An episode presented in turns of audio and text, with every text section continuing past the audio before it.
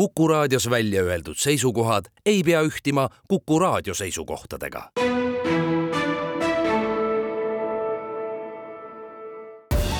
Tartu linnasaade. tere tänane saade tuleb Baltimaade suurimast võrgualade spordikeskusest Net spordihallist, mis Tartus avati ja kus pinda seitse tuhat ruutmeetrit. Seejärel viime teid kurssi jõululinn Tartu ettevalmistustega ja nende üritustega, mille pärast tasub Tartu tee ette võtta ja lõpetame dinosauruste näitusega teaduskeskuses Ahhaa. ühtekokku ootab kuulamist neli intervjuud Need on teinud Madis Ligi. olen Tartu Uusimaa spordijoones Net spordihallis eh, ning alustan juttu Valot Mangusega. see on iseenesest pretsedent, sellepärast et Tartus ei ole sellist puhtalt erainitsiatiivil kerkinud spordihoonet mitme ala jaoks. jah, kui tõele au anda, omal ajal Lõunakeskusse ehitati sisse Liuväli, aga seal on kaubanduskeskus ümber, aga see on täielikult spordihall. kui hälli kiigutada, kuidas mõte liikuma hakkas? Neid investeeringuid on juba omajagu tehtud ja ja need on läinud jah, sellisesse põhitegevusega seotud alasse, see on betooni tootmine. ja suurem investeering oli Läti tehas, mida avasime siin kaks tuhat viis. Ja, ja, ja siis olid jälle mõtted selles suunas, et mingid uued tehased võiks Leetu kerkida ja, ja miks ka mitte, kui siin turg oli Rootsi, et läheks ka sinna ja hakkasid jah, sellised suured ideed lendama. Kuni selleni siis, kui ostsime ühe betoonifirma ära Soomest, siis tundus, et, et nüüd on nagu üle saja miljoni käivet ja, ja et kuhu veel. ja noh, õnnega olime koos, kui tuli ostja ukse taha ja ütles, et me tahaks seda kõike nagu ära osta ja noh, vaadates oma tulevikuplaane ja, ja vanust, mõtlesime, miks ka mitte. ja, ja toimuski jah, ütleme selle DNB müük, müümata jäi ainult Tartus asetsev DNB elementtehas ja, ja see on nüüd see alus ja võimalus, mille pealt siis hakkas jälle mõte jooksma, et aga mis siis nüüd edasi. sai äh, teedeehitusse mindud, mis täna võib ütelda, ei olnud võib-olla kõige parem mõte, vaadates, kui palju riik plaanib neid ehitada. ja, ja mingil hetkel mul kah partner ja üks omanik, Jaan Valbet, kes on sulgpalli mänginud, ütles, et, et härra Siliksaar nagu tundis huvi, et, et äkki sellesse valdkonda võiks nagu sündida üks spordihall. aga igal juhul tekkis tahtmine ja oli ka võimalus ühiskonda midagi tagasi anda. no nii ta on, et tegutsema paneb ju inimest ikkagi kaks asja, kas on olemas äh, vajadus ja võimalus. minu puhul äh, jah, vajadust spordihalli järgi veel nii ei tunnetanud, aga tekkis võimalus ja noh, siis hakkas kujunema vajadus et lisaks siis sellele, et ise sai rannavõrku mängitud ja tundus, et ta on niimoodi hea ala, mida ka vanemas eas ja veidi suurema kehakaaluga kannatab mängida liigestele, ta väga koormav ei ole siin liiva peal. ja neid asju kokku viies ja, ja tegelikult Andres Metsmägi, kes meil on ka nüüd omanike ringis ja, ja kes on nagu selle ehituse projekti juht, Andres oli ühe seltskonnaga juba sellist äh, spordihalli, kuhu kuulus äh, ka sulgpall, äh, rannavõrk, tennis ja ühte-teist veel, et selline väga polüfunktsionaalne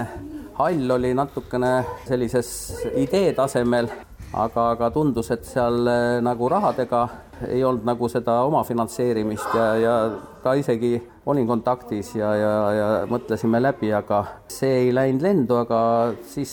tuli ikkagi mõte, et, et noh, linnas ja selle koha peal, kus ta täna on, oleks ta võib-olla kõige mõttekam selline spordihall. kohe siia Emajõe äärde, A Le Coq'i spordimaja kõrvale on see uus Net spordihall siis püsti pandud? jah, linnaga ei olnud ta mitte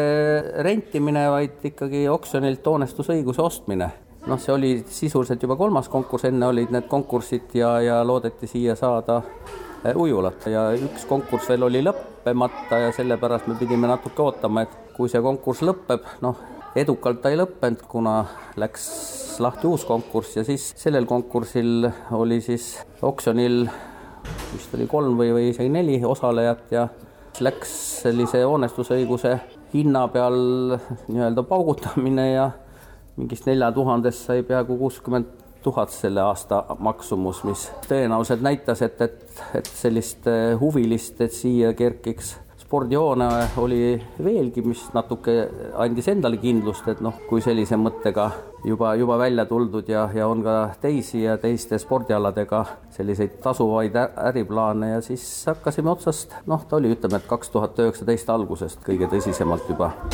paika panema. noh, ja siis oli juba kõik see rida nii, nagu ta käib. mäletan, kas algusest peale oli plaan, et teha selline Baltimaade suurim võrgualade spordiaal, kus saaks siis üsna mitme alaga tegeleda või mõte sünnitas mõtet ja nii see kera kasvas? jah, ega meil sellist väga selget nägemust ei olnud, et kui veel rääkida jah, et äh, kuidas see asi kokku selline tuli, siis tõesti esimese hooga vaatasime, et äh, noh, sulgpall oli, oli huvitatud ja, ja, ja neid väljakuid nagu vajas linn ja, ja noh, kuna ei olnud rannahalli, siis ja ise olin huvitatud, see oli rannahall ja, ja noh, ühte-teist siia juurde, aga need olid põhilised spordialad. sellel ajal veel mõtlesime, et äkki noh, kõik spordiklubid ütlesid, et väga oleks vaja mingi suveks ka sellist hosteli moodi majutusasutust ja et, et kuskil laagreid teha. ja me isegi ühe variandina nägime siin ülemistel korrustel sellist eh, hosteli tüüpi majutust, aga, aga noh, ajad muutusid ja näha oli, et, et see ei olnud nagu vähemalt Tartu linnas ei kõnetanud see, et neid kohti ikka on ja, ja jätsime selle ära ja see padeli teema oli ikka, oli üleval, aga, aga siis, kui meil nüüd see hostel ära jäi, siis vaatasime, et noh, kui ta mahub, siis paneme ta sinna ühe korruse peale siis padeli ja, ja nii ta siis mõte jooksis ja, ja paigutasime, mahutasime need viis padeliväljakut, siis andis välja. siis oli juba enam-vähem see kontseptsioon koos ja, ja noh, oli vaja siis arhitektuurseks konkursiks valmistada, me pidime omajagu neid selliseid konkureerivaid eh, projekte siia saama, neid tuligi, vist oli viis. linnale võib-olla isegi see projekt ja kamparhitektid on selle arhitektuurse lahenduse taga, et see nagu neid kõnetas, noh, meid ka seal mõned teised, aga neid kõnetas, et ta on niisugune eristuja või veidi selline halli, eriti tänasesse päeva, niisugune kollane maja, et, et seda võiks isegi vaimusilmas näha. ma usun, et ta ikkagi pikas perspektiivis on asi, mis ei vaja lisaraha sissepanekut ja, ja noh, ütleme, et kui tuli ikkagi finantseerijana ka pank siia taha ja, ja nemad ikkagi võib-olla peenemalt seda tulu ja kulu poolt analüüsisid ja lahti ja vaatasid, siis tekkis endale ka natuke usku, et kui juba pank usub asja, siis võtame ikka ette, noh, ütleme, et võib-olla oma finantseerimist nägi pank rohkem, noh, mis tähendab, et pidi ise suuremaid riske võtma, aga nii ta on, et äh, mina liigitaks ta ikkagi sellise emotsionaalse investeeringute valdkonda, et, et neid võib igasuguseid teisi teha aga noh, nii nagu siin majandusanalüütik Peeter Koppel on ütlenud, et raha, mille eest ei saa emotsioone, on suhteliselt mõttetu raha, nii et ma ma lähtusin ka sellest, et et neid igasuguseid investeeringuid on tehtud, kas või seesamune suur Läti tehas, millele, mis on müüdud ja millel tõesti nagu täna niisugust emotsionaalset sidet ei ole, ma arvan, selle moonega tõenäoliselt on on nagu pikka aega ikka selline emotsionaalne side. spordiala juhataja Nerle Laidvee, mitme ala inimesed saavad siis eh, siin emotsioone ja harjutada? kümme pluss erinevat sportlikku tegevust on siin meie majas võimalik harrastada, et eh, noh, siin juba liivaalal on neid ju mitu, pluss siis eh, siinsamas hallis siis olev see ronimissein, teisel pool kõvaspordiväljakuga siis kõva võrkpalliväljak, sulgpalliväljakud pluss siis akrose akrobaatika treeningud, mis on väga populaarsed ja akrosel tuleb ka teine saal ja, ja kindlasti siis see ülemine korrus on ka siis lisaks padelile, mis on täna kindlasti niisugune võib-olla esimene populaarsust meie majas, ka siis lisaks veel jõusaal ja, ja niisugune rühmatreeningute väike saal, et mis siis võib-olla ka minuga kaasa tuli siia projekti, et, et kuna ma ise olen pikaaegne rühmatreeningute treener ja kogemustega töötanud äh, erinevates spordiklubides, siis, siis minu niisugune väike südamesoov oleks, et oleks ka väike killukene nendest aladest esindatud. praegu me oleme siin rannavõrkpallihallis ja tüdrukud sätivad ennast äh, treeninguks valmis. lühidalt väga erinevad äh, alad, väga erinevas eas inimesed saavad siin harjutada ja oma tublidust tõsta. ja just täpselt nii ongi, et, et kui me laupäeval tegime avatud uste päeva, siis oli väga tore, et kaks prouat astusid sisse ja küsisidki, et et kas nende vanustele ka mingid treeningud majas leidub ja ja meil plaan täielikult on ja kindlasti viime selle plaaniga lähiajal jõusse, et, et pakkuda ka võib-olla siin meie ümbruses elavatele pensionäridele päevast tegevust, et on see siis väike füüsiline koormus pluss võib-olla pärast kohvi ja väike vestlusring, et et kindlasti on see päevakorras, pluss siis mis iganes, mõelda ka siin liiva peal välja mingit tegevust, et, et, et noh, see ei pea olema alati ka nii sportlik tegevus, vaid võib-olla hoopis ka vaba aja ja meelelahutuslik ajaveetmisviis, et võib-olla seal vanematel inimestel, kellel lihtsalt on vaba aega liiga palju. uus spordihall on nüüd avatud, treeningud on käima läinud, kas esimesed võistlused on ka juba kalendris? ja, ja võistlusi on isegi meie majas toimunud juba mitmeid, kuna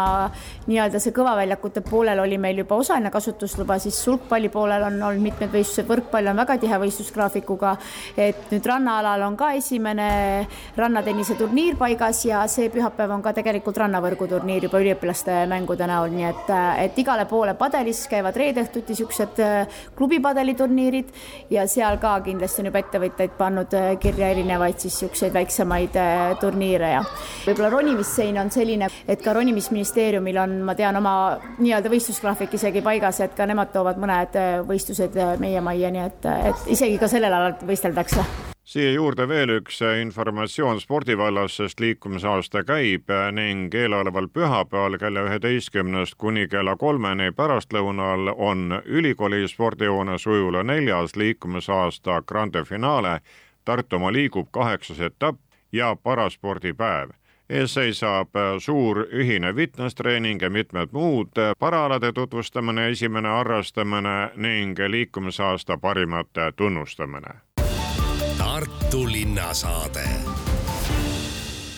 jõululinn Tartu ettevalmistused on äh, saanud äh, nähtavaks äh, ning see tähendab seda, et Raekoja platsis käib liuvälja ehitamine. mis aga veel ettevalmistusse jääb ja mis meid ees ootab, seda tulin küsima Digi seltsimaja juhi Maarja Liba käest, sellepärast et teie maja ongi selle jõuluprogrammi korraldaja. see liuväli on siis kõige suurem ettevõtmine, sellepärast tuleb ka kõige varem alustada. täpselt nii, liuvälja ehitamisega alustasime me neljateistkümnendal kaheksandal novembril ja valmis saab see siis kolmandaks detsembriks, kui me avame koos äh, Liuväljaga meie jõululinna. Äh, jõululinn on avatud äh, kolmandast detsembrist kuni kolme kuningapäevani, seitsmendal jaanuaril ja uisuvälják on meil avatud seekord pikemalt kui varem, ehk siis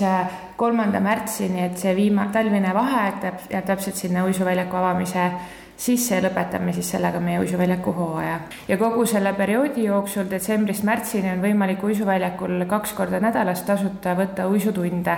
Eh, et oleme ka seda aega pikendanud, varasemalt see oli ainult eh, jõululinna avamise ajal, aga nüüd on, on võimalik seda nautida ja õppida uisutama erinevatel eh, vanustel ja erinevate oskustega inimestel siis kuni uisuväljaku avamise lõpuni ja, ja me loodame väga, et kultuuripealinna avamine toob meie uisuväljakule ka uisutajaid juurde, sest varasemad aastad on näidanud, et kui jõululinn kinni läheb, siis natukene see jääb vaiksemaks, käivad endiselt kooligrupid ja need, kes on äh, sellised äh, tõsihingelisemad uisutajad, aga selline tavakülastaja võib-olla natuke vaibub, et me loodame, et sel aastal kindlasti kultuuripealinna avamine toob ka meile rohkem inimesi uisuväljakut nautima imelisse Raekoja platsi kuid eh, on ka mitmeid teisi üritusi, mis üle Eesti on rahvast kokku tõmmanud eh, ning eh, järgmisena tuleks siis mainida talvist tantsupidu Tartu linna südames. talvine tantsupäev toimub meil üheksandal detsembril Raekoja platsil ja sellele saab registreerida veel kuni kahekümnenda novembrini, ehk siis kes veel ei ole jõudnud, on võimalus ennast kirja panna. ootame kokku umbes tuhat tantsijat, kes siis täidavad Raekoja platsi ja eh, veedavad eh, loodetavasti kargel talvisel päeval seal mõnusad tunnid tantsides eh, vanu Eesti traditsioonilisi rahvatantse. varasem kogemus on näidanud, et tullakse üle Eesti? peamiselt on Lõuna-Eesti, aga on tulnud ka kaugemalt rühmi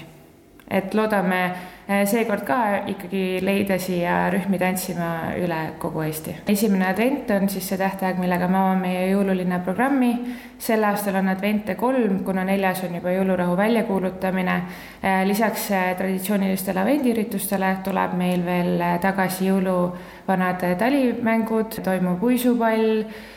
meil on äh, koostöös Noortekeskusega siis pakkuda noortele päev, äh, tegevusi ja koolivaheajal on nad väljas iga päev töötubade erinevate toredate üritustega. ja lisaks on programmis ka mõned huvitavad uued üritused, mida me ei ole enne teinud, et kogu programmi avalikustamine toimubki järgmisel nädalal, nii et palun kõigil suunduda Tartu korraldab lehele, et vaadata, mida põnevat me siis jõululinna raames pakume. ja kogu info on olemas ka Kultuuriaknas, kes on harjunud sealt infot otsima. tulevad need klaaspaviljonid ka linna südamesse? Klaaspaviljonid tulevad, aga uuel kujul, et eelmised olid meil seitse aastat ja olid oma aja ära elanud, sellel aastal siis valmistame uued klaaspaviljonid, need on natuke teise kuju ja natuke teise värviga, et tasub kindlasti tulla uudistama, mis, mis siis muutunud on võrreldes eelmise korraga. jõululaat toimub talvise tantsupäevaga samal päeval ehk siis üheksandal detsembril ja seda korraldab Tartu turg ja tuleb ta ka sel aastal tänase saate viimane osutlus tuleb dinosaurustest, sellepärast et ahhaas tehakse kohe see näitus lahti juhatuse liikme Pilvi Kolgiga. me oleme praegu siis siin dinosauruste keskel. kust nad teie majja jõudsid, mitte ainult majja, vaid ka maja ette? täpselt nii, et äh, meie dinosauruste näitus äh, läheb siis selle nädala lõpust lahti ja meile tulevad nad äh, mõnes mõttes väga kaugelt, ehk siis see näitus on loodud Mehhikos ja siin need fossiilid on ka ainult Mehhikost leitud dinosauruste põhjal tehtud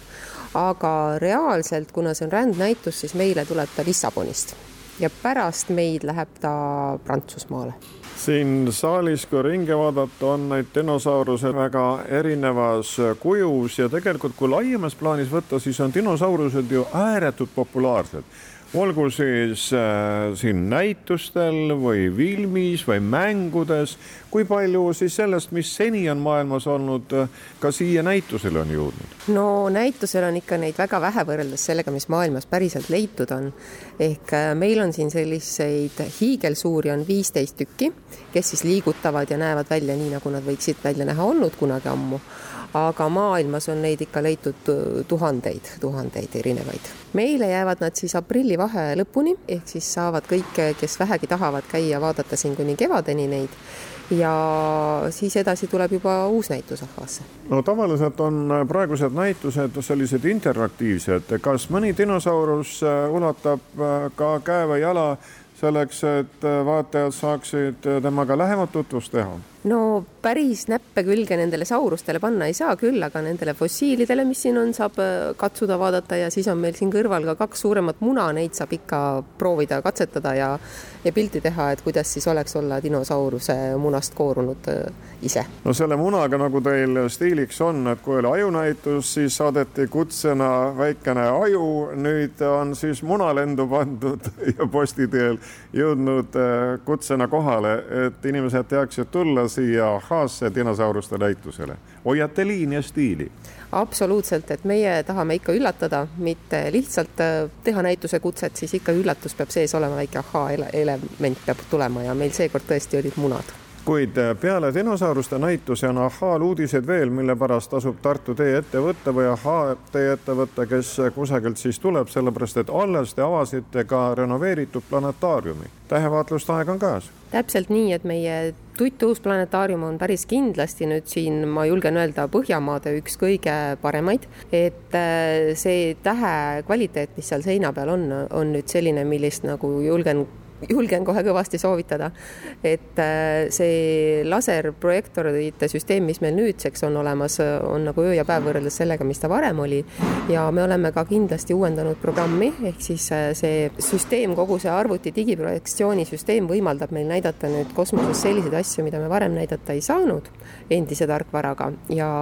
me oleme ka uued filmid sisse võtnud. me küll alles õpime ise tehnoloogiat natuke, et ta on veel nii uus, et alles mõned nädalad on ta meil olemas olnud sellisena, nagu ta täna on, aga sellist planetaariumit, nagu meil on mujal maailmas, ei ole, kus tähed on ka jalge all ja saab kosmoses päriselt lennata. kui ma siia tulin, oli sissepasu juures üks klassitäis lapsi, kas nemad pääsevad ka dinosaurused kaema planetaariumisse või need sellised õppetunnid on teise sihiga? oleneb, mis õppeprogrammis nad on, et täiesti olemas on astronoomia õppeprogramm ja saavadki oma õppe raames käia planetaariumis ja vaadata, kuidas siis nende planeetide ja tähtedega seis on. aga aga dinosaurused praegu õppeprogrammis otseselt ei ole. aga vaatame talve poole, võib-olla lisanduvad saurused ka, aga kindlasti saavad lapsed käia oma õppepäeva jooksul saalist läbi ja vaadata neid. kallid kuulajad, nii palju tänaseks. Need spordialist kui Baltimaade suurimast võrgualade keskusest rääkisid eestvedaja, ettevõtja Vallat Mangus ning spordiali juhataja Herle Laidvee jõululinn Tartu ettevalmistustest andis teada digiseltsimaja direktor Maarja Liba ning Ahhaas avatavast dinosauruste näitusest juhatuse liige Pilvi Kolk. Nende jutul käis Madis Ligi. aitäh kuulamast, olge terved! Tartu linnasaade